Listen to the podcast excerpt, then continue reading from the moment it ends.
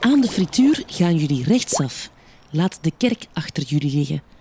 Loop helemaal tot aan de grote baan, de Carnotstraat. Jullie raden al waar we dan naartoe gaan. Ja, we gaan kijken of Atlas er nog staat. Nu gaan we richting uh, de Kerkstraat naar uh, Atlas. Ik heb nog een paar dingen om te laten zien. Met een achteruitkijkspiegeltje zouden jullie nog een blik kunnen werpen op het kerkplein achter jullie.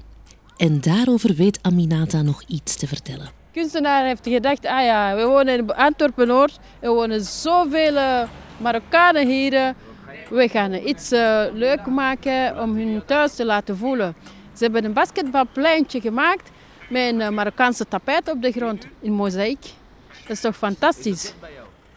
En terwijl jullie met vermoeide benen lonken naar de overkant van de straat, waar jullie al die rode fietsjes zien staan, zien jullie misschien ook het atelier van Madame Tiret, nummer 58. Die vrouw kan supergoed naaien. Als je je doek van de, de Afrikaanse doek koopt, dan kan je ook hier komen je kleren laten maken. En nog aan de overkant van de straat, op de hoek daar. Je hebt de VZ2 Tanger. Dus altijd de mannen hier, een koffietje en theetje te drinken. Ik denk dat dat geweldig is voor de mensen die Arabisch spreken. Die net in het land zijn, om af en toe daar hun taal te kunnen praten. Hè. En nog altijd aan de overkant van de straat zien jullie misschien ook nummer 40. Een kast van een huis. Met een lade die uitsteekt als een luifel. Die houtwinkel hier. Maar ik ga jullie laten zien. Die maakt geweldige dingen. Echt waar. Oh, ik hoop dat hij niet gaat sluiten. Niet doen, meneer. Hallo. Maar het is tijd, Aminata. Of niet? En is dit misschien het eindpunt van de tour dan? Het houtatelier van een man die creaties maakt van houtsoorten die komen van over heel de wereld. Ja, ik ben Aminata Barry. U bent animator? Aminata. Och, laat het gaan. Kom, we kijken verder bij nummer 30. Je hebt ook de Simbad. Dat is een Marokkaanse restaurant waar je kunt wauw, lekker, lekker, lekker dingen eten. En dat is niet zo duur. Je kunt harira soep eten, je kunt uh, tagine daar gaan halen. Maar wacht, nog één dingetje.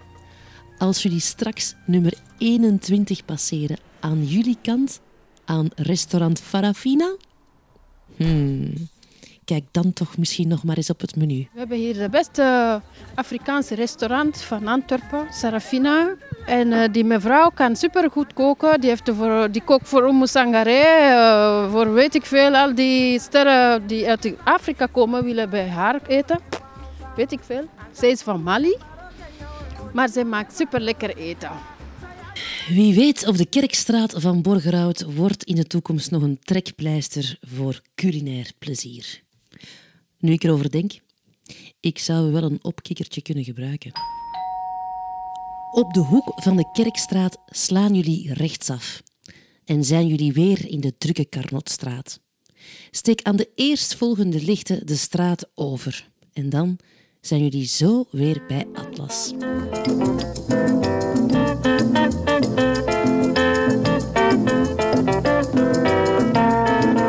En wat te besluiten over de Afrikaanse wijk, over de zwarte gemeenschap in Antwerpen. Ze is jong en oud en alles daartussen. Ze is man en vrouw en alles daartussen. Ze is hier geboren en ingeweken.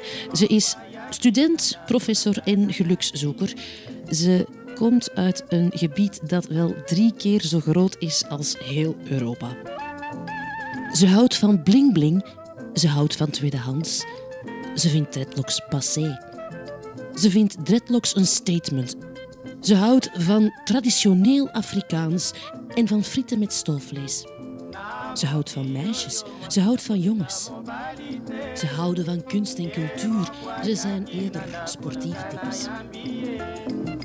Bandekwata tika kofinga ngai.